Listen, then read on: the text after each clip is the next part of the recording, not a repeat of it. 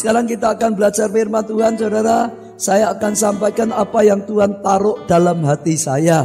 Hari ini saudara tema Natal adalah kemuliaan Tuhan. Lalu saya rasa apa yang Tuhan taruh dalam hati saya yaitu belajar menemukan kemuliaan Tuhan saudara. Belajar menemukan apa saudara? Kemuliaan Tuhan. Lah supaya kita bisa mengerti lebih jelas, kita ingin belajar sedikit apa sih kemuliaan Tuhan. Kalau kita bisa renungkan kemuliaan Tuhan adalah saat ya kuasa Tuhan, kebesaran Tuhan itu dinyatakan secara luar biasa, karya Tuhan dinyatakan luar biasa, kemegahan Tuhan dinyatakan luar biasa, saudara. Oh perbuatan Tuhan dinyatakan suatu yang luar biasa, sehingga kita bisa lihat kemuliaan Tuhan itu sedang dinyatakan, saudara. Beberapa contoh misalnya saat bangsa Israel keluar dari perbudakan Mesir, saudara.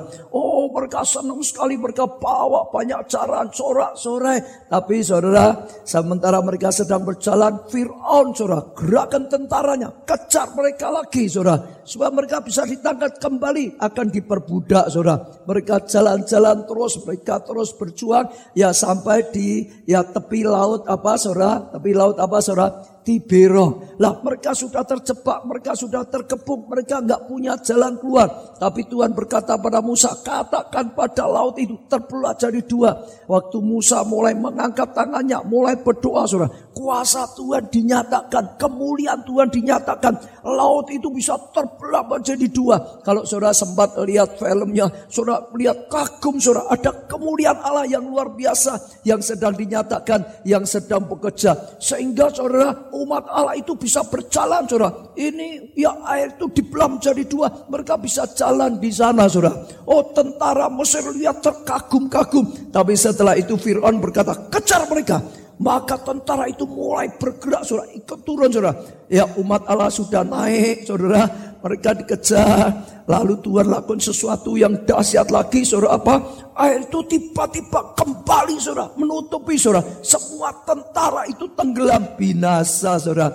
Dan saat itu semua sedang lihat kemuliaan Tuhan sedang dinyatakan. Kebesaran Tuhan sedang dinyatakan secara luar biasa. Itu salah satu kisah. Yang kedua yang ingin saya ajak saudara bisa lihat pada zaman Salomo. Kalau saudara bisa renungkan pada zaman Salomo itu luar biasa sekali. Salomo diberi hikmat oleh Tuhan luar biasa sekali saudara. Sehingga pada zaman Salomo, Salomo bisa membangun ya oh negaranya luar biasa. Sampai dikatakan pada zaman Salomo tidak ada orang miskin lagi. Ya di tengah-tengah umat Allah kalau kita hanya baca kelihatannya biasa, tapi coba bayangkan kalau sampai bangsa kita sedang ya dilanda kemuliaan Tuhan di antara bangsa kita Indonesia tidak ada orang miskin lagi. Saudara bisa bayangkan seperti apa?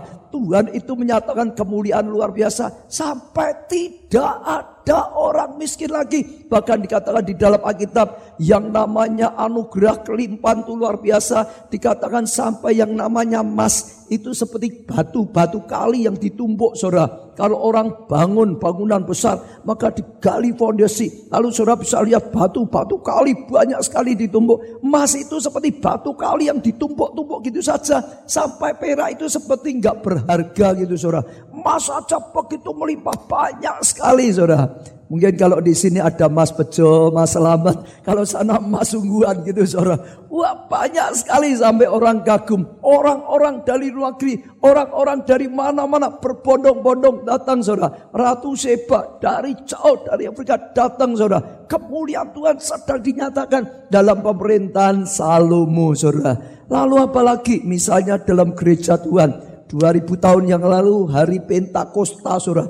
Wah tiba-tiba Tuhan curahkan rohnya saudara. Orang dijamah Tuhan. Orang berkata-kata dengan bahasa yang baru. Mereka dulunya nggak bisa bahasa asik. Tiba-tiba bisa bahasa Arab. Tiba-tiba bisa bahasa Libya. Tiba-tiba bisa bahasa Yunani. Tiba-tiba bisa berbagai macam bahasa saudara. Bahkan kuasa Tuhan, mujizat Tuhan dinyatakan luar biasa pada gereja mula-mula kemuliaan Tuhan sedang dinyatakan di dalam ke uh, uh, adaan gerejanya sehingga akhirnya Injil terus bergerak injil terus bergerak sampai di muka bumi saudara. Itu contoh kemuliaan Tuhan lagi yang terjadi dalam gereja Tuhan. Lah sekarang kita belajar sedikit ya kemuliaan Tuhan pada saat Natal. Karena ini Nata, saudara firman Tuhan tentang kemuliaan, saudara. Kita bisa lihat juga kisah-kisah dalam Nata. Misalnya lah, pada waktu ya para gembala sedang ada ya suatu malam gelap gulita, sepi nggak ada apa-apa. Tiba-tiba malaikat turun dengan penuh kemuliaan Tuhan. Saat malaikat turun dan kemuliaan Tuhan dinyatakan, saudara lihat tempat yang gelap menjadi terang, tempat yang sepi menjadi meriah. Mereka sudah tiba-tiba melihat sesuatu yang luar biasa sekali. Bahkan kandang binatang yang dipakai oh melahirkan sang juru selamat dunia berubah saudara Dulu kandang itu nggak ada orang yang mau, saudara. Orang ke sana ini jijik bau gitu, saudara. Tapi waktu yang kemudian turun-turun di situ, wah berubah sesuatu yang luar biasa sekali, saudara. Oh itu anugerah yang luar biasa. Itu beberapa contoh saudara kemuliaan yang dialami atau dipertunjukkan oleh Tuhan dalam kisah Natal. Lah sekarang kalau kemuliaan Tuhan dinyatakan maka akan terjadi kedahsyatan Orang-orang sakit akan disembuhkan.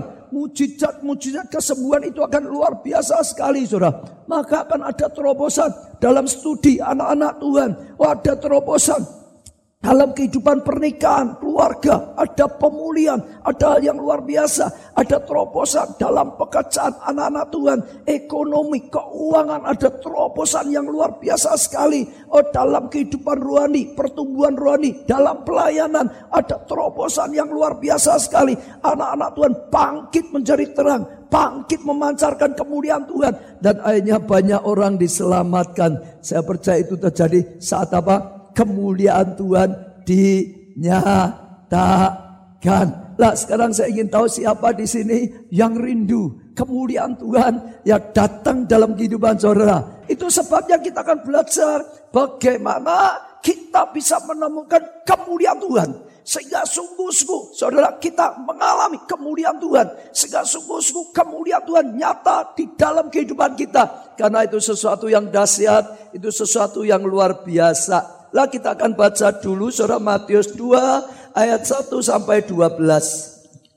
Injil Matius pasal 2 ayat 1 sampai ayat 12. Orang-orang Majus dari timur. Sesudah Yesus dilahirkan di Bethlehem di tanah Yudea pada zaman Raja Herodes, datanglah orang-orang Majus dari timur ke Yerusalem dan bertanya-tanya, di manakah dia?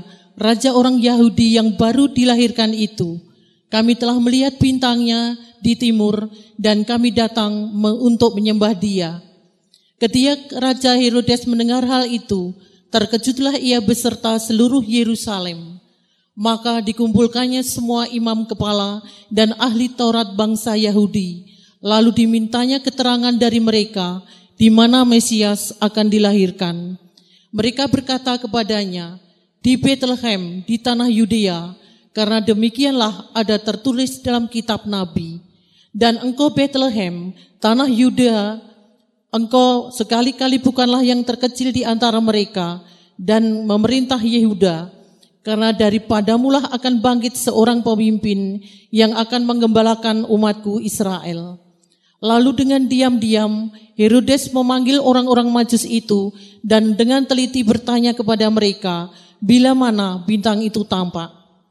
Kemudian ia menyuruh mereka ke Bethlehem katanya, pergi dan selidikilah dengan seksama hal-hal yang mengenai anak itu dan segera sesudah kamu menemukan dia, kabarkanlah kepadaku supaya aku pun datang menyembah dia.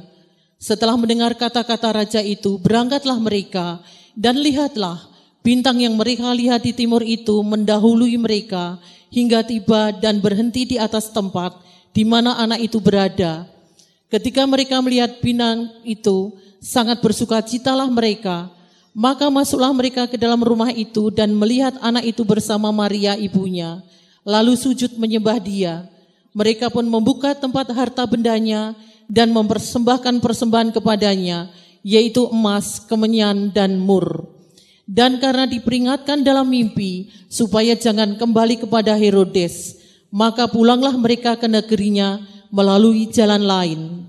Seorang lagi sayang kita baca kita bisa belajar bagaimana orang-orang majus ini akhirnya bisa menemukan sang Mesias ya bayi yang sedang dilahirkan, sang juru selamat yang sedang dilahirkan dan akhirnya mereka menemukan kemuliaan Tuhan di dalam kehidupan mereka. Kalau kita teliti yang pertama bisa kita petik pelajaran yaitu saudara mereka mencari Tuhan dengan keinginan yang menyala-nyala. Saya ulangi sekali lagi karena di dalam hati mereka ada keinginan yang menyala-nyala untuk menemukan sang Mesias yang dilahirkan sebagai manusia. Untuk menemukan sang juru selamat yang dilahirkan. Ada keinginan yang menyala-nyala. Saja ya kita baca ayat 1 sesudah Yesus dilahirkan di Bethlehem di tanah Yudea pada zaman Raja Herodes datanglah orang Majus dari mana saudara? Orang Majus dari mana saudara? Timur ke Yerusalem. Saat itu kalau surat teliti, oh mereka itu asalnya dari mana? Dikatakan dari timur. Para penafsir saudara, ya pada umumnya bercerita itu berbicara tentang media Persia saudara. Kalau sekarang adalah dari daerah Iran dan Irak saudara. Jadi dari daerah Iran Irak saudara, mereka berjalan sampai ke Yerusalem, akhirnya sampai ke Bethlehem yang namanya Iran Irak ke Yerusalem itu dekat atau jauh saudara? Kalau naik becak kira-kira berapa lama ya saudara ya?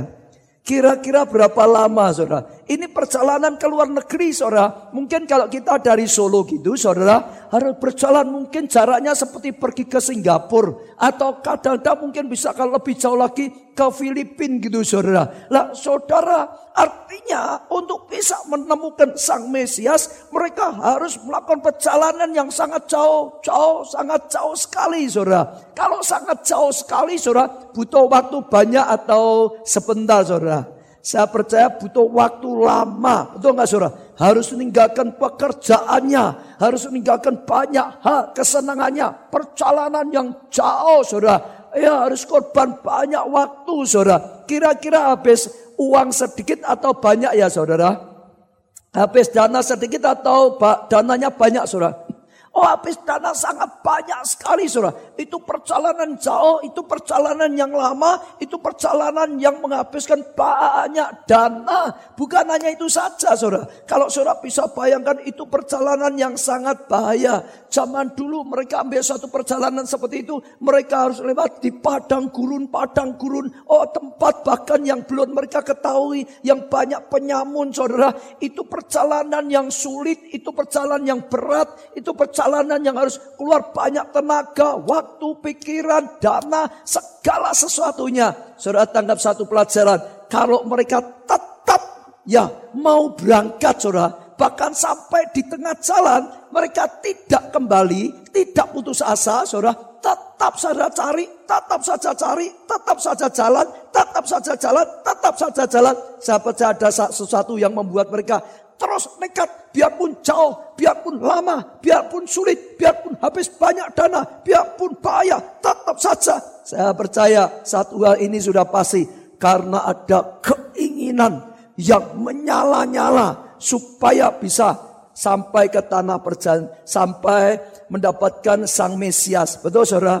Hanya karena itu saja mereka gigih mereka berjuang, mereka mau berkorban banyak saudara. Itu yang membuat mereka akhirnya bisa menemukan Mesias, akhirnya bisa mengalami kasih karunia anugerah. Dalam perjalanan Turuhani sering kali saya juga kagum. Satu kali pernah ya dengar seorang ibu karena punya kerinduan besar supaya pada masa hidupku aku harus menginjakkan kakiku di tanah perjanjian, di tanah di mana Yesus dilahirkan, di mana Yesus hidup pada saat itu. Nabung, nabung, nabung. Yang membuat saya heran katanya nabungnya itu sampai 17 tahun saudara. 17 tahun baru cukup saudara. Akhirnya berangkat. Saya percaya kalau dia terus nabung, nabung, nabung saudara. Bukan hanya satu tahun berhenti. Ada orang nabung baru enam bulan berhenti. Ada enggak saudara?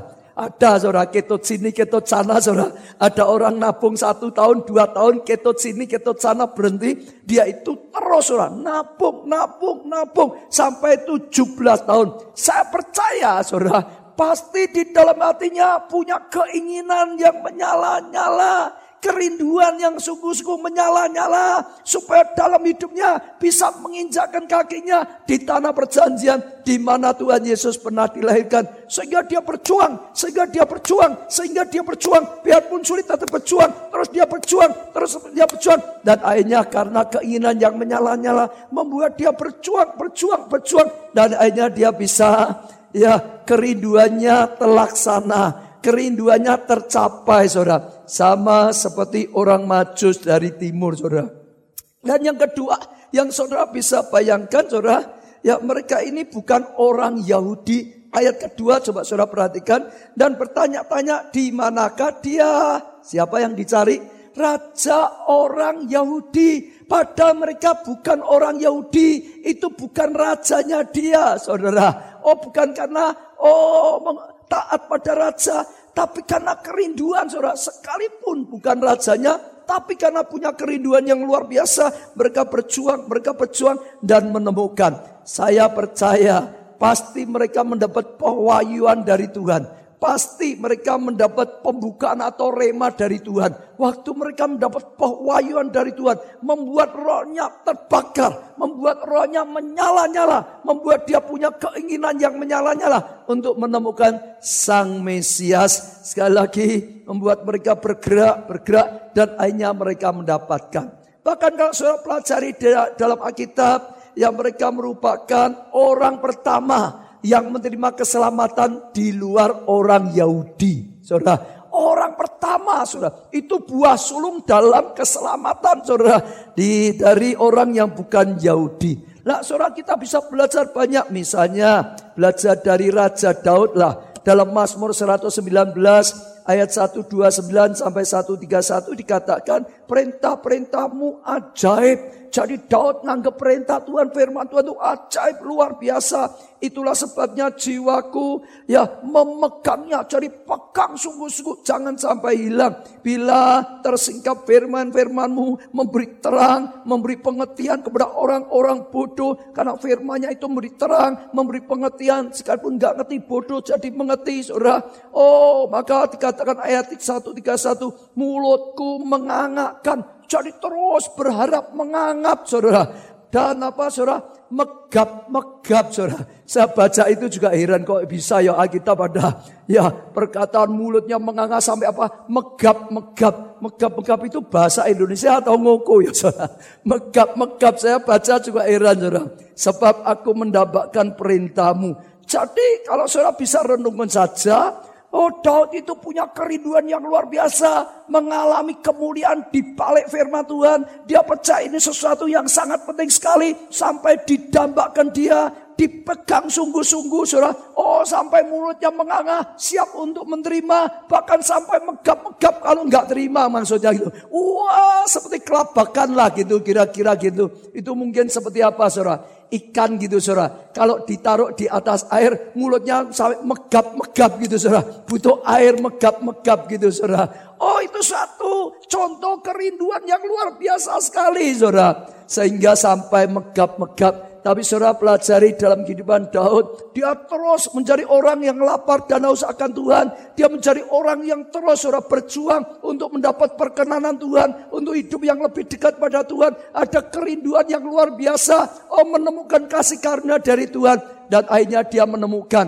dia mengalami kemuliaan Tuhan. Dulu hanya memelihara dua tiga ekor kambing domba saja. Orang yang sederhana yang tidak berarti hanya punya dua tiga ekor domba.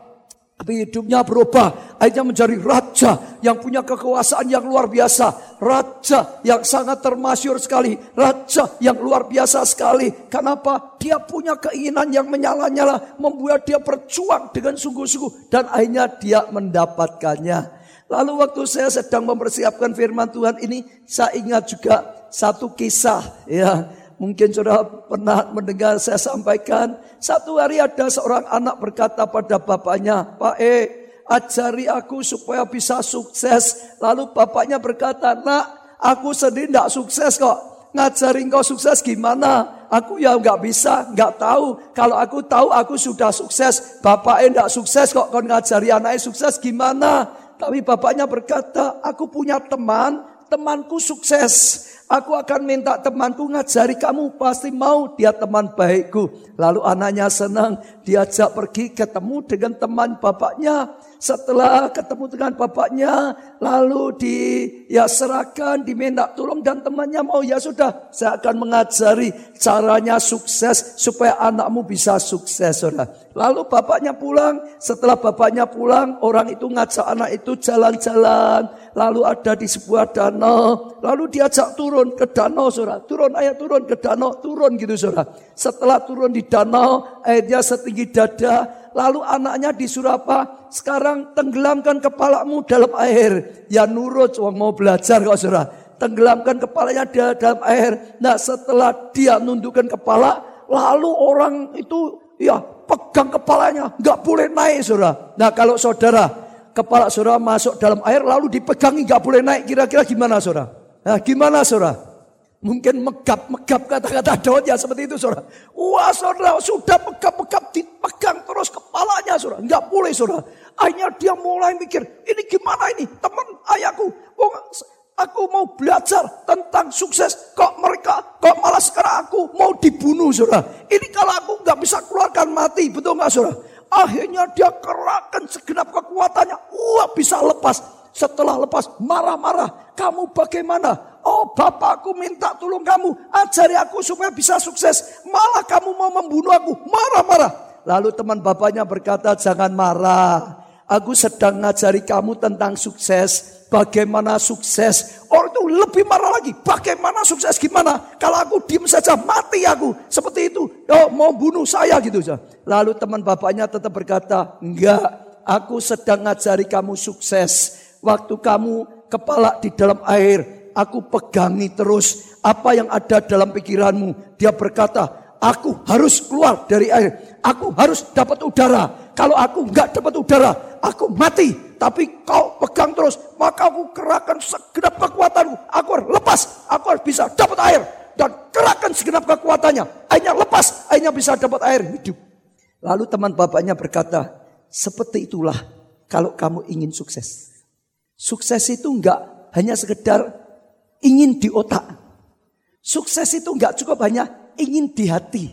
Keinginan yang menyala-nyala yang membakar rohmu, yang menyala-nyala sampai saudara tidak bisa diam, sampai saudara harus bergerak, sampai saudara tidak mau menyerah, sampai saudara kerahkan segenap kekuatanmu untuk sukses. Engkau akan sukses. Kalau hanya ingin sukses, semua orang ingin. Semua anak ingin. Yang malas pun juga ingin.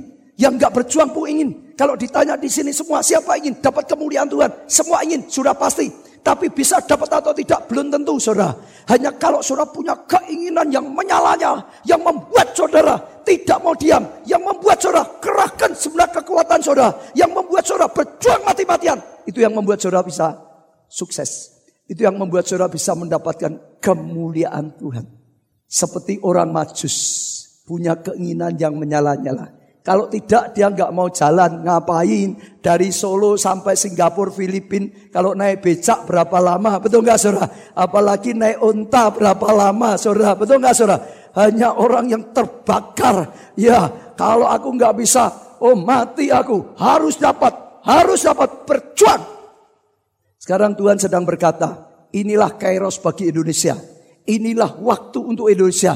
Ini waktu yang luar biasa untuk bangsa Indonesia. Ini waktu yang luar biasa untuk gereja Tuhan. Ini waktu yang luar biasa untuk setiap pelayan Tuhan. Ini waktu yang luar biasa untuk setiap jemaat. Saudara bisa mengalami hal yang luar biasa. Karena akan banyak orang berbondong-bondong datang pada Tuhan dan selamat. Oh karena kelimpahan kekayaan dicurahkan luar biasa. Karena untuk mencukupi pekerjaan Tuhan. Karena kemuliaan akan dinyatakan di bait Allah. Saat saudara mendengar tergantung saudara. Hatimu terbakar atau tidak ada keinginan menyala-nyala atau tidak. Kalau hatimu tidak terbakar, tidak ada keinginan menyala-nyala, engkau tetap akan diam saja.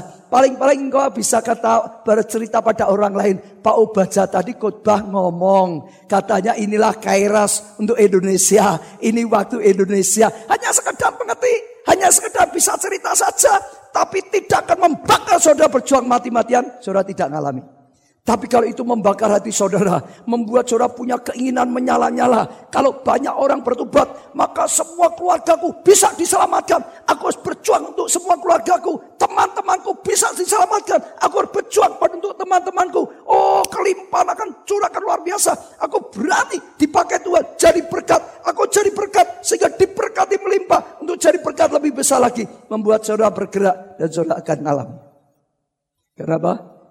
Keinginan yang menyala-nyala. Sekali lagi, keinginan yang apa saudara? Menyala-nyala saudara. Amin saudara. Ya itu yang pertama saudara. Yang kedua, mereka berani percaya kepada petunjuk dan pertanda dari Tuhan. Orang-orang majus ini berani percaya ya petunjuk dan pertanda dari Tuhan. Saudara perhatikan di dalam Alkitab, mereka itu hanya mendapat petunjuk dari apa saudara? Bintang yang dipakai oleh Tuhan menjadi pertanda. Saudara, saya percaya mereka mendapat pewahyuan, mereka menyelidiki perbintangan, mereka dari bintang itu yang merasa mendapat pertanda dari Tuhan sedang terjadi sesuatu yang luar biasa di dunia ini. Oh, Sang Mesias sedang dilahirkan. Mereka melihat tanda saja berani percaya. Bisa percaya, mudah percaya, sampai berani mengikuti terus, saudara. Bukan hanya percaya di otak, bukan hanya berkata aku percaya saja, sampai ada tindakan nyata. Itu sungguh-sungguh percaya. Mereka hanya, oh diberitahu oleh Tuhan, lewat pertanda, lewat bintang yang bergerak saja. Mereka berani percaya karena mereka adalah jenis orang-orang yang mudah percaya. Ada orang yang mudah percaya, ada orang yang sulit percaya, yang tidak percaya sekalipun mengerti, Saudara. Saudara renungkan orang-orang majus ini orang-orang yang mudah percaya, Saudara. Kemarin Ya, saya sampaikan ini sama seperti para gembala, saudara. Sama, saudara. Para gembala itu adalah jenis orang-orang yang mudah percaya. Saat itu gelap gulita, saat itu nggak ada apa-apa. Tiba-tiba ada kemuliaan Tuhan terang. Malaikat berkata, telah lahir sang juru selamat dunia. Oh dilahirkan, oh di Bethlehem. Mereka begitu mendengar. Kalau saudara ingat ayat dikatakan, Lalu setelah malaikat itu pergi, langsung mereka berkata apa? Mari kita pergi ke sana. Oh menyaksikan apa yang dikatakan oleh malaikat itu. Percaya ini sedang terjadi. Ayo berangkat. Tidak ditunda-tunda. Malah segera mereka berangkat. Kenapa? Mereka percaya. Kalau mereka nggak percaya, ya duduk saja. Ngapain repot-repot. Betul nggak saudara? Orang-orang yang mudah percaya dan waktu mereka bertindak, waktu mereka bergerak, mereka mengalami seperti orang majus ini. Akhirnya menemukan sang juru selamat, akhirnya menemukan kasih karunia Tuhan, akhirnya melihat kemuliaan Tuhan dinyatakan luar biasa, mengalami kemuliaan Tuhan karena mudah percaya, mudah bertindak, mudah mendapat mujizat, mudah mengalami karunia kemuliaan Tuhan. Saudara masih ingat Maria juga sama, Maria itu jenis orang yang mudah percaya. Dia masih gadis, tiba-tiba didatangi oleh malaikat. Dan malaikat berkata, Maria, enggak akan mengandung, enggak akan melahirkan seorang anak. Bahkan anak itu juru selamat dunia, raja di atas segala raja. Kalau sekarang ada seorang gadis belum bersuami, tidak melakukan hubungan suami istri, tiba-tiba saudara, ya dapat berita enggak akan mengandung, enggak akan melahirkan anak, Bahkan anak itu, wah raja di atas segala raja. Dikatakan anakmu itu jadi wali kota saja saudara mungkin heran. Anak itu jadi presiden saudara. Sulit lagi. Raja di atas segala raja.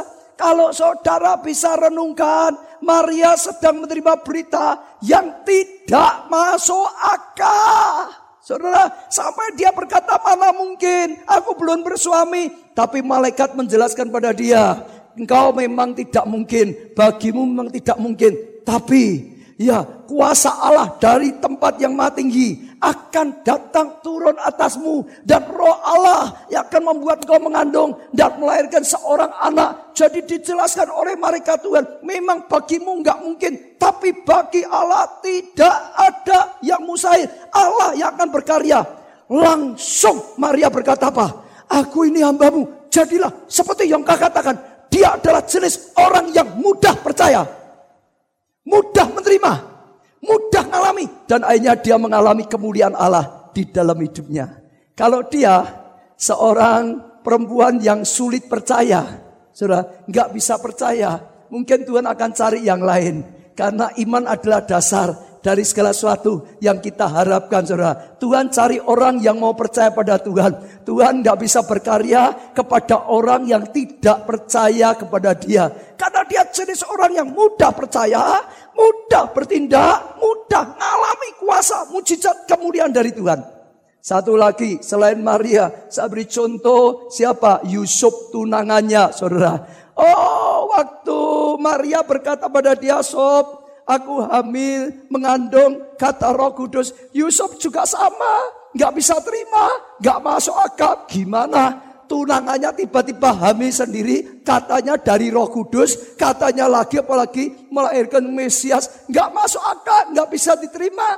Yusuf itu sudah nganggap Maria ini bohong. Sudah dia rencana mau dicerai, mau ditinggal Maria itu. Sudah, biarpun tunangan batal saja. Tapi malam dia tidur. Dia mendapat petunjuk dari Tuhan melalui apa? Mimpi. Hanya mimpi. Kalau Maria langsung didatangi malaikat. Sehingga membuat dia, wah ini malaikat berbicara. Sekarang Yusuf enggak. Dia hanya mimpi saudara. Oh dalam mimpi dikatakan Yusuf, Maria itu sungguh-sungguh mengandung karena roh Allah. Jangan ya, ceraikan Maria, ambil dia jadi istrimu. Karena Tuhan punya rencana untuk kalian berdua menjadi bapak ibu yang mengandung dan melahirkan sang Mesias yang memelihara. Oh Tuhan punya rencana besar. Bangun dari tidur. Langsung Alkitab berkata, Yusuf mengambil Maria jadi istrinya. Kenapa Yusuf mengambil Maria jadi istrinya? Yusuf adalah orang jenis orang yang mudah percaya, yang mudah bertindak, dan akhirnya mengalami kemuliaan Allah. Kalau dia sulit percaya, dia akan tinggalkan Maria. Dia tidak akan ambil Maria sebagai istrinya. Dia akan kehilangan rencana Tuhan. Dia kehilangan kemuliaan Tuhan yang sudah disediakan dalam hidupnya. Betul? Betul saudara? Saudara ini mudah percaya atau sulit percaya? Di Alkitab juga ada contoh-contoh yang sulit percaya. Akhirnya sulit bertindak. Dan akhirnya sulit mengalami kemuliaan Tuhan. Siapa? Saudara lihat di Alkitab ada yang namanya ahli-ahli Taurat. Namanya ahli Taurat. Kira-kira saudara ya baca kitab Taurat atau tidak saudara? Baca. Kira-kira sering mendengar firman Tuhan atau tidak saudara?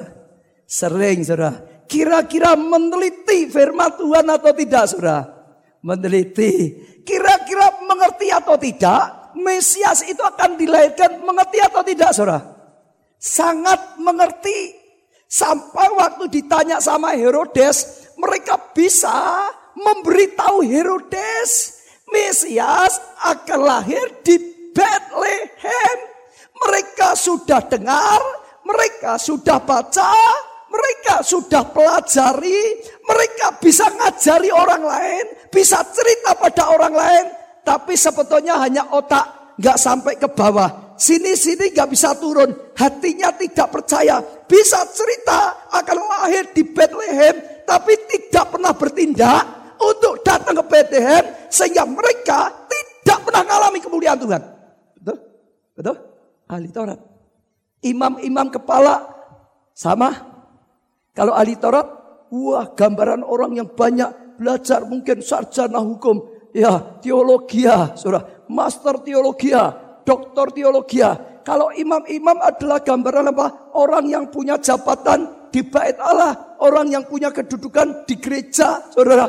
Oh imam-imam bahkan imam-imam kepala, pemimpin-pemimpin bait Allah, pemimpin-pemimpin gereja, ngerti punya jabatan rohani, tapi sulit percaya, maka sulit bertindak, maka sulit mengalami kemuliaan Tuhan.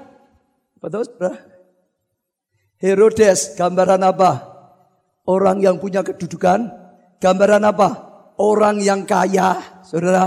Juga gambaran apa? Orang yang sudah mendengar banyak tentang Mesias yang dilahirkan. Mereka mendengar dari imam-imam kepala dan ahli Taurat. Dia juga mendengar dari orang majus. Sudah dengar, saudara. Tapi juga sama, Hatinya sulit percaya, tidak percaya. Oh saudara tidak bertindak untuk ya menemukan anugerah, malah iri hati, sakit hati. Betul saudara? Enggak pernah bisa mengalami. Saya kagum dengan orang majus ini karena jenis orang yang mudah percaya. Sampai sekarang saudara lihat, kadang-kadang kita bisa lihat orang-orang yang pendidikan tinggi, tadi STH, MTH, doktor sekalipun, tapi masih ada yang kurang percaya. Ngerti banyak tapi kurang percaya. Akhirnya nggak bertindak. Akhirnya sulit sekali ngalami mujizat. Akhirnya sulit sekali ngalami lawatan. Akhirnya sulit sekali ngalami kemuliaan Allah. Hanya sekedar punya titelnya. Hanya sekedar punya pengetahuan. Karena sulit percaya. Tapi kadang-kadang kita juga temukan orang baru belum lama, pelayan baru, tapi mudah percaya. Saudara, wah kalau ada tantangan siapa yang mau terima kesembuhan nilai, dia sedang sakit, melari saudara. Siapa yang mau terima pengurapan, zaman roh kudus, lari saudara. Mudah percaya saudara, mudah bertindak saudara. Dijamah mudah saudara. Nerima zaman Tuhan, nerima mujizat Tuhan, nerima kemuliaan Tuhan. Kuncinya apa? Mudah percaya. Bukan berarti orang pandai sulit percaya, enggak. Ada yang sebetulnya sudah pandai, sudah tinggal percaya saja, tapi kurang percaya. Orang sederhana sebetulnya tidak banyak mengerti, ya saudara. Tapi ya karena mudah percaya, mudah bertindak, mudah mengalami kuasa dan kemuliaan Tuhan. Lah saya ajak saudara uji. Saudara termasuk orang yang mudah percaya atau sulit percaya? Saya jamin. Saudara tahu dalam hati saudara. Kalau saudara sulit percaya, nggak masuk akal saudara nggak bisa percaya. Saya jamin saudara nggak banyak ngalami mujizat. Karena saudara nggak banyak bertindak. Tapi kalau saudara orang yang jenis mudah percaya. Saudara mudah taat, mudah bertindak. Pasti saudara mudah mengalami kuasa, kemuliaan dan mujizat Tuhan. Saya bersyukur saudara jemaat keluarga ada ya adalah jemaat yang mudah percaya. Saudara lihat pada waktu gereja kita diperintahkan Tuhan mulai bangun kelompok saya jadi gereja saya. Saya belajar di Singapura pulang saya ajarkan, eh saudara Tuhan mengajak gereja kita menjadi gereja saya. Wah saudara jemaat percaya bangun kelompok saya. Akhirnya gereja kita menjadi gereja saya. Wah kelompok saya maju. Nggak lama Tuhan bawa saya belajar. Wah kelompok saya selain belajar dari Korea. Sekarang dari Singapura ada pembaruan. Saya sampaikan pada jemaat lagi, ayo cepat. Oh ada pembaruan dalam kelompok saya. Robah kelompok saya kita. Supaya lebih maju lagi saudara. Ini yang Tuhan katakan. Mudah percaya. Ganti model seperti yang di Singapura. Gerak lagi, gerak lagi, gerak lagi. Ngalami kegerakan, ngalami kemajuan. Gak lama Tuhan bawa saya lagi ke Bogota belajar kelompok saya. Cara Tuhan Yesus eh, mengembangkan kelompok saya. Prinsip 12. Setiap murid semua diajari. Semua murid bisa melayani. Pulang. Ayo jemaat. Tuhan sedang ajarkan kelompok saya. Prinsip 12. Seperti yang diajarkan oleh Tuhan Yesus. Seperti yang dilakukan oleh Tuhan Yesus. Ada terobosan. Jemaat mudah percaya bergerak lagi, bergerak lagi, bergerak lagi, mengalami kemajuan. Sampai banyak gereja di mana-mana datang untuk belajar. Sampai Korea pakarnya kelompok saya. Banyak yang datang gereja kita belajar. Kenapa jemaat yang mudah percaya. Itu luar biasa saudara. Terus saudara lihat dalam perjalanan. Saya bersyukur saudara. Ya mayoritas jemaat adalah jemaat yang mudah percaya saudara. Baru saja juga sama kemarin saya tayangkan juga sekarang Tuhan sedang dorong kita, ya, gereja misioner, dorong lagi gereja yang memberkati bangsa, gereja yang memberkati kota, gereja yang memberkati masyarakat. Lalu nata kita canangkan, saudara buka pasar murah gitu saudara. Oh diajak cepat, ayo saudara berkorban. Oh dengan dagangan saudara, eh jemaat saudara, dukung berkorban dengan dana saudara, oh berkorban dengan tenaga saudara. Saudara, kita canangkan bisa melayani banyak orang, sembakonya, berasnya saja, ya kita perjuangkan bisa terkumpul 50 ton untuk bisa ya menjadi jawaban bagi 10 ribu orang. Karena satu orang boleh belinya 5 kilo itu disubsidi. Saudara, ya tiap kilo 1500 sampai 2000 saudara. Oh saudara, Waktu kita kumpul panitia, ya sempat tanya Pak, gimana Pak? Kalau nanti nggak cukup gimana Pak? Kalau hanya 10 ton saja adanya 20 ton gimana? Saya berkata pada panitia, sudahlah pokok Tuhan perintahkan kita percaya taat saja. Gak usah pikir cukup, gak cukup. Kalau Tuhan yang nyuruh, Tuhan pasti nyukupi. Betul saudara? Tapi saya bersyukur berapa hari yang lalu saudara kalau nggak salah hari Jumat saudara. Ya, hari Kamis kalau nggak salah Kamis atau Jumat ditanya terkumpul malah sudah lewat bukan 50 ton, 52 ton malahan saudara. Kenapa? Jemaat yang mudah percaya, mudah bertindak, berani saudara bertindak, saudara jadi berkat saudara. Banyak saudara ya gula 10 ton, banyak itu minyaknya, ya mie nasi murahnya, potong rambutnya, pengobatan gratis saja seribu orang saudara. Jadi disediakan pengobatan gratis saudara. Itu baik dokternya gratis maupun obatnya gratis saudara. Dibagikan di kelurahan-kelurahan saudara. Jadi berkat mulai belajar. Jadi berkat baik kota. Dan lain-lain lagi ada pijet, refleksi, sukarela. Saudara perlengkapan cuci, baju, alat tulis, teh, kecap, madu, berbagai jenis makanan ringan, DLL. Kalau saya sudah ngomong DLL juga yang tidak terucapkan semua saudara. Lah saudara saya lihat itu bisa terjadi karena apa? Jemaat yang mudah percaya akan bergerak, akan melihat kemuliaan Tuhan. Amin saudara. Saya percaya itu anugerah yang luar biasa sekali saudara. Mudah percaya akan lihat kemuliaan Tuhan. Nanti kemuliaan Tuhan akan nampak. Kasih Tuhan akan nampak. Dan nama Tuhan dipermuliakan. Orang yang mudah percaya. Sekali lagi Tuhan akan lakukan hal yang dahsyat. Tuhan akan lakukan hal yang besar saudara. Jadilah jemaat yang mudah percaya. Saya berdoa setiap jemaat adalah jemaat yang mudah percaya. Setiap pelayan Tuhan adalah pelayan yang mudah percaya saudara. Sehingga semua ikut kegerakan ini. Sehingga semua mengalami kegerakan yang besar ini. Yang ketiga saudara datang untuk menyembah. Bahkan mempersembahkan yang terbaik bagi Tuhan. Saudara baca di Alkitab. Waktu bintang itu sampai di satu tempat. Lalu mereka tahu di dalam situlah Sang Mesias ya dilahirkan. Mereka masuk saudara. Setelah masuk ketemu dengan Mesias. Lalu minta saudara. Mesias minta aku. Minta atau ngapa saudara? Waktu mereka menemukan Tuhan, lalu tersungkur menyembah. Dikatakan, artinya mereka mulai memberi penghormatan. Artinya mereka mulai memberi pemujaan. Artinya mereka mulai memberi penyembahan pada Tuhan. Hatinya bukan hati minta. Hatinya bukan hati untuk mendapat. Hatinya adalah hati memberi. Memberi pemujaan. Memberi penghormatan. Memberi penyembahan. Setelah sikapnya saudara. Memberikan pada Tuhan. Membuka bendaharanya keluarkan saudara. Mulai apa? Memberi saudara. Mas, kemenyan dan mur. Oh saudara sikapnya. Tapi memberikan saudara. Harta mereka diberikan saudara. Mas, kemenyan dan mur. Saudara perhatikan. Saya percaya itulah saudara. Mereka bisa dipakai oleh Tuhan. Untuk rencana Tuhan yang luar biasa. Saudara kalau bisa renungkan kisah Nata.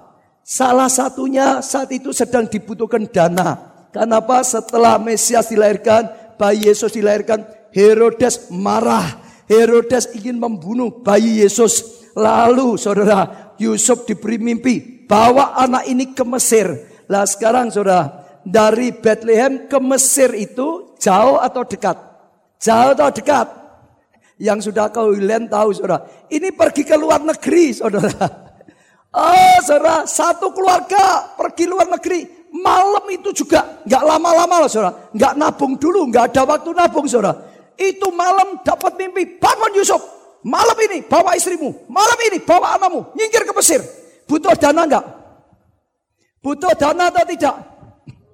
Butuh. Dananya dari mana? Saudara dengar. Orang majus ini punya hati yang memberi. Bisa dipakai oleh Tuhan. Membiayai. Yusuf dan Maria menyingkir ke Mesir, membiayai Yusuf dan Maria memelihara bayi Yesus, membiayai rencana Tuhan, membiayai pekerjaan Tuhan. Hanya orang yang punya hati memberi bisa dipakai oleh Tuhan. Orang yang tidak punya hati memberi tidak pernah bisa dipakai oleh Tuhan. Kaya seperti apa pun kalau tidak punya hati memberi tidak pernah bisa dipakai oleh Tuhan. Semua untuk dirinya sendiri. Pandai seperti apa pun, kalau tidak punya hati memberi, tidak bisa dipakai oleh Tuhan. Kepandaiannya untuk cari uang bagi dirinya sendiri. Kedudukan tinggi seperti apa pun, kalau tidak punya hati memberi, tidak bisa dipakai oleh Tuhan. Hanya orang yang punya hati memberi bisa dipakai oleh Tuhan.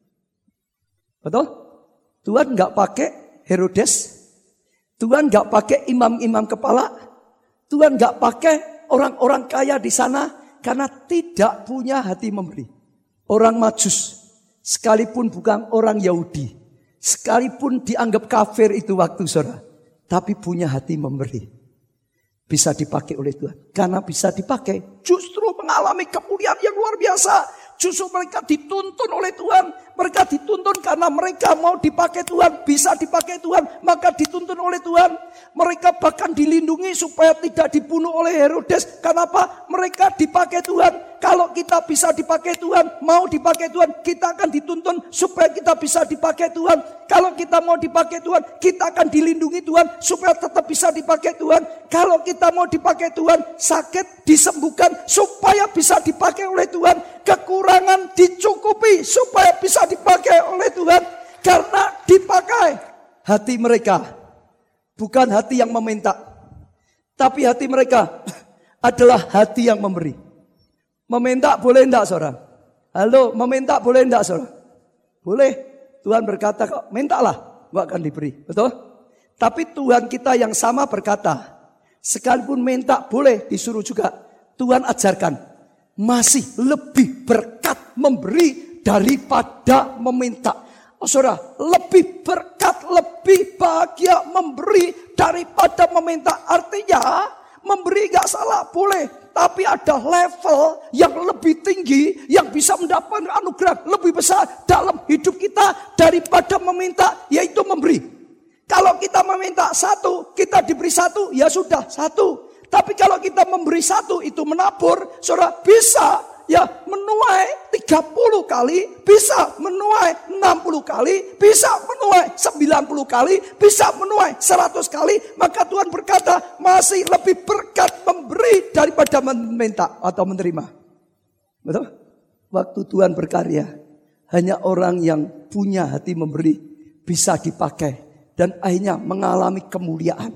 Janji Tuhan kelimpahan dari seberang akan datang akan dialami karena apa? Bisa dipakai oleh Tuhan. Karena bisa dipakai karena apa? Punya hati yang memberi. Betul saudara? Enggak punya hati yang memberi, enggak pernah bisa dipakai oleh Tuhan. Hanya karena mempunyai hati yang memberi, baru bisa dipakai oleh Tuhan. Nah, saudara juga uji hati. Seperti tadi yang pertama, adakah keinginan yang menyala-nyala di hati saudara? Yang kedua, saudara, Oh, apa tadi? Yang kedua, saudara, apa saudara? Setelah keinginan yang menyala-nyala. Apa saudara? Apa saudara? Iya, saudara. Yang kedua, selain hati yang bisa menyala-nyala, berani percaya. Yang ketiga adalah hati yang memberi. Selama ini, yang dipikirkan oleh saudara, itu memberi atau mendapat? Kalau kita hanya mikir dapat, dapat, dapat, dapat, nggak pernah bisa dipakai oleh Tuhan. Bahkan, bahkan sudah dengar, kadang-kadang membuat kita malah kecewa. Kadang-kadang mendatangkan banyak masalah dalam hidup kita. Kalau kita hanya punya hati ingin mendapat. Seringkali begitu. Saya sudah uh, ulangi berkali-kali, tapi saya rindu ya memberi contoh lagi. Dalam membangun rumah tangga. Ya, saudara coba kaum pria menikah, punya istri untuk apa? Uh, supaya besok bisa punya keturunan karena dapat istri, bisa dapat keturunan. Oh, supaya besok ada yang memelihara anak-anak gitu saudara. Oh, supaya besok urusan keluarga ada yang ngurusi. Jadi menikah pikirannya mendapat mendapat istri, mendapat anak, mendapat orang yang bisa ngurusi anak, mendapat orang yang bisa ngurusi keluarga, mendapat, mendapat, mendapat. Lalu waktu menikah, istrinya mandul, kecewa, marah-marah, nuntut. Istrinya nggak ngurusi keluarga, marah-marah, nuntut. Karena tujuan menikah mendapat, istri mendapat orang yang bisa ngurusin semuanya. Kecewa. Betul saudara? Wanita, kalian menikah, biasanya pikiran saudara tujuannya apa? Eh, ada suaminya, ada yang melindungi kalau di rumah perempuan sawah gimana? Ada yang laki, ada yang melindungi. Oh, ada yang cari nafkah. Wah, ada ini dan itu. Nanti kalau menikah suaminya nganggur gak kerja, marah-marah. Suami aja nganggur. Ngapain jadi suami? Ngapain punya suami? Betul gak saudara? Wah, gak melindungi. Oh, pergi terus. Saudara, marah-marah. Karena menikah tujuannya mendapat. Sekarang saya mau tanya saudara. Setelah Adam diciptakan, Tuhan berkata tidak baik Adam itu sendirian saja. Aku akan menciptakan penolong baginya yang sepadan. Diciptakan Hawa, diciptakan, dipertemukan tujuannya Adam diciptakan dipertemukan kepada Hawa untuk mendapat atau untuk memberi? Untuk memberi pertolongan, diciptakan jadi penolong yang sepadan, dipertemukan untuk memberi pertolongan. Hai istri-istri, pesan Tuhan apa? Hai istri-istri, pesan Tuhan apa? Penolong. Sekarang kalau itu hai istri, ya aturannya perintah Tuhan. Hai istri-istri apa? Tunduk hormati suamimu, betul? Itu mengharap atau memberi? Memberi sikap hormat, memberi respect, memberi dukungan pada suami. Betul? Gak pernah istri diperintahkan nikah, jadilah istri yang ingin mendapat dari suami. Gak pernah. Beri penghormatan, penghargaan, dukungan. Hai suami, apa perintahnya Tuhan? Kasihlah istrimu, kasih itu memberi atau mengharap? Memberi saudara, Bukan mengharap istrinya nanti bisa dapatkan keturunan, dari istrinya nanti bisa ada yang ngurusi anak, dari istrinya nanti ada yang ngurusin keluarga, karena terbalik-balik menikah tujuannya mendapat sehingga waktu nggak dapat dari pasangannya kecewa, marah-marah, nuntut-nuntut, bertengkar, perang, beronto, yudo. Betul saudara, betul. Hati yang memberi itu bahagia. Kalau saudara tujuannya memberi. Aku menikah dengan dia, seorang wanita. Aku terpanggil jadi penolong bagi dia. Tahu suaminya penuh kekurangan, memang panggilanku itu untuk menolong kok. Betul? Malah bertindak yang benar, ditolonglah suaminya, didukung suaminya, gak kecewa. Suami dapat istri, panggilan Tuhan untuk mengasihi, ada kekurangan, memang aku mengasihi dia kok. Tujuannya mengasihi dia kok, tujuannya melindungi dia kok, tujuannya mengasihi. Hati yang memberi itu luar biasa. Kebaktian, Saudara datang kebaktian, ingin mendapat atau ingin memberi? Nah, saudara, sungguh gak saudara? Saudara kebaktian itu ingin mendapat apa ingin memberi? Sekarang saya beri contoh ya, orang majus itu mau datang pada Tuhan, ingin mendapat atau ingin memberi? Memberi ya. Pertama memberi penghormatan. Kedua memberikan harta bendanya. Betul? Banyak orang kebaktian kecewa. Melayani kecewa. Kenapa? Hatinya ingin mendapat bukan memberi. Contohlah, kalau saudara kebaktian, saudara pujian penyembahan, yang mimpin gak enak, marah-marah, mimpin ora becos kayak gitu kok ditunjuk jadi pemimpin. Karena saudara berharap nanti dalam pujian, wah aku diberkati Tuhan, aku bisa suka cita, aku bisa rasakan dari Tuhan. Berharap dapat gak dapat marah-marah. Gak dapat parkir, marah-marah. Gak dapat tempat duduk, Natalan marah-marah.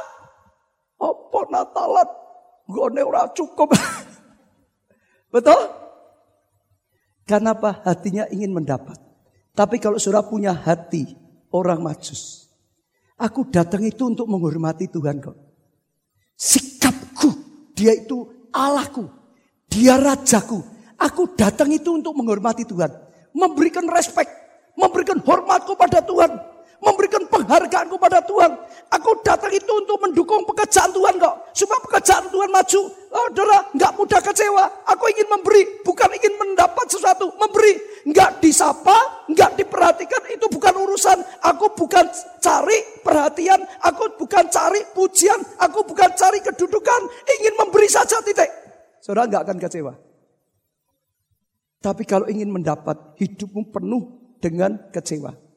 Maka Tuhan berkata lebih bahagia memberi daripada mendapat. Dan hanya orang yang punya hati memberi bisa dipakai Tuhan. nggak punya hati memberi, nggak pernah bisa dipakai Tuhan. Betul? Nah, sekarang uji hati.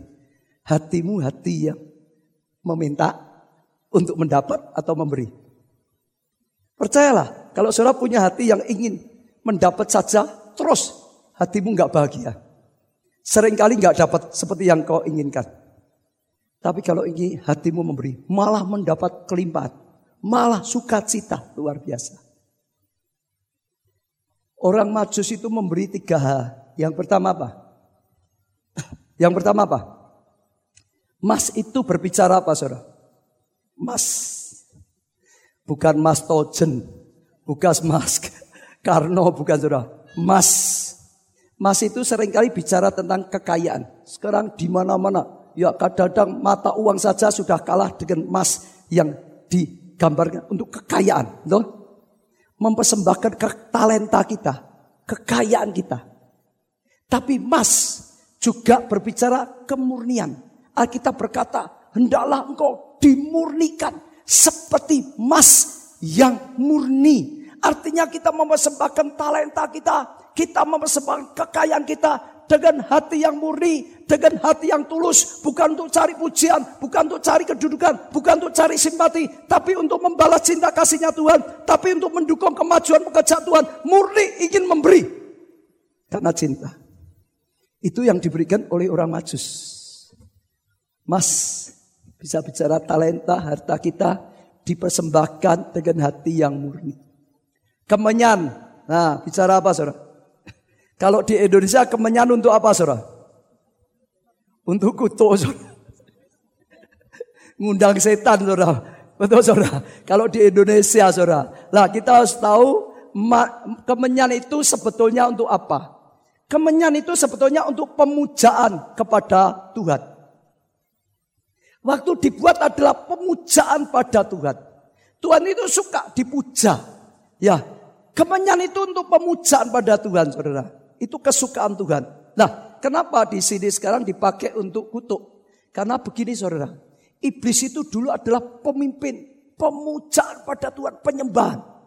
Tapi akhirnya hatinya berubah, ingin nyamai seperti Allah. Ya ingin Allah saudara, dibuang jadi penguasa udara. Dia ingin seperti Allah. Jadi sekarang kalau ada pohon nggak ada apa-apa dibakari menyenat kemenyan dikutui saudara iblis itu senang masuk di pohon jadi pohonnya angker kalau ada Roma sebetulnya nggak ada apa-apa. Saudara bakarin menyan terus. Iblis senang langsung masuk Roma. Romanya jadi Roma angker. Betul kok saudara? Kenapa? Iblis itu ingin seperti Allah. Ingin disembah. Kemenyan itu adalah untuk pemujaan pada Tuhan. Lah, orang majus mempersembahkan kemenyan artinya apa? Persembahkan doa-doamu di hadapan Tuhan. Persembahkan penyembahanmu, pujian penyembahanmu pada Tuhan. Hiduplah sebagai penyembah-penyembah bagi Tuhan. Hiduplah sebagai pendoa-pendoa bagi Tuhan. Hiduplah sebagai pemuja-pemuja Tuhan. Hidup dalam penyembahan. Kalau saudara punya hidup sebagai penyembah, saudara akan merasakan hadirat Tuhan itu kuat dalam hidup. Saya nggak punya waktu banyak karena ini akan saya ajarkan di tutup tahun. Saudara datang, itu penting hidup yang menyembah penuh dengan hadirat, penuh dengan kemuliaan. Tapi hari ini belajar persembahkan waktumu duduk diam di bawah kaki Tuhan. Tersungkur, tinggikan dia. Itu persembahan yang hidup. Yang ketiga apa? Mas, kemenyan apa lagi? Mur itu bicara apa? Mur itu dari satu pohon, saudara, dilukai, keluar getahnya. Orang Indonesia mudah karena Indonesia itu saudara untuk itu karet saudara tahu. Pohon karet itu dilukai, luka sampai keluar getahnya. Saudara, lah getah dari pohon itulah dibuat menjadi mur. Mur ini rasanya pahit, tapi baunya harum. Apa artinya? Kita harus mempersembahkan diri kita rela dibentuk Bahkan sampai luka, sampai sakit hati kita. Sampai keluar getahnya. Begitu sakit rasanya. Saudara rela dibentuk oleh Tuhan. Sekalipun berat, sekalipun sakit. Dalam ujian, dalam bentukan Tuhan. Sakit, Tapi akhirnya membuat apa? Karaktermu jadi baik. Akhirnya menghancurkan kesombongan jadi rendah hati. Akhirnya saudara memiliki hati yang lembut. Rela memesbahkan diri kita dibentuk. Kedagingan dihancurkan. Kedagingan dimatikan. Seperti binatang yang dibunuh dimatikan. Sakit. Tapi dari mulutmu akan keluar ucapan yang mengharumkan nama Tuhan. Dari sikapmu akan berubah. Memancarkan keharuman bagi Tuhan. Rasanya pahit, tapi baunya harum di hadapan Tuhan. Jadi kalau saudara sedang dibentuk, relakan dirimu dibentuk. Karena supaya saudara bisa keluarkan bau harum di hadapan Tuhan. Jangan berontak waktu dibentuk oleh Tuhan. Jangan marah dengan Tuhan. Jangan kecewa. Persembahkan itu untuk Tuhan. Jadi persembahan mur. Bahkan yang terakhir saja, mur itu dipakai apa saudara? Mur itu dipakai merempah-rempahi orang mati. Waktu Tuhan Yesus mati di atas kayu salib diturunkan saudara baca di Alkitab.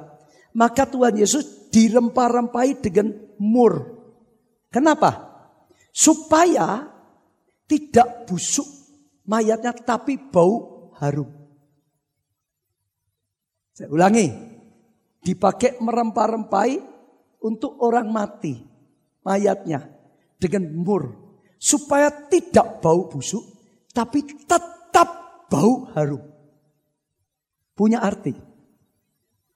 Bukan hanya pada saat kita hidup saja, rela dibentuk mengeluarkan bau harum, tapi terus sampai matinya kita mengeluarkan bau harum bagi Tuhan. Sampai kematian kita itu menjadi kesaksian bagi Tuhan. Sampai kematian kita itu memuliakan nama Tuhan. Sampai matinya kita mendatangkan persoalan bau harum bagi Tuhan. Betul? Jangan dimulai dengan roh, diakhiri dengan daging. Jangan awalnya baik, tapi belakangnya rusak. Jangan. Hidup kita sampai mati kita mempersembahkan bau yang harum bagi Tuhan.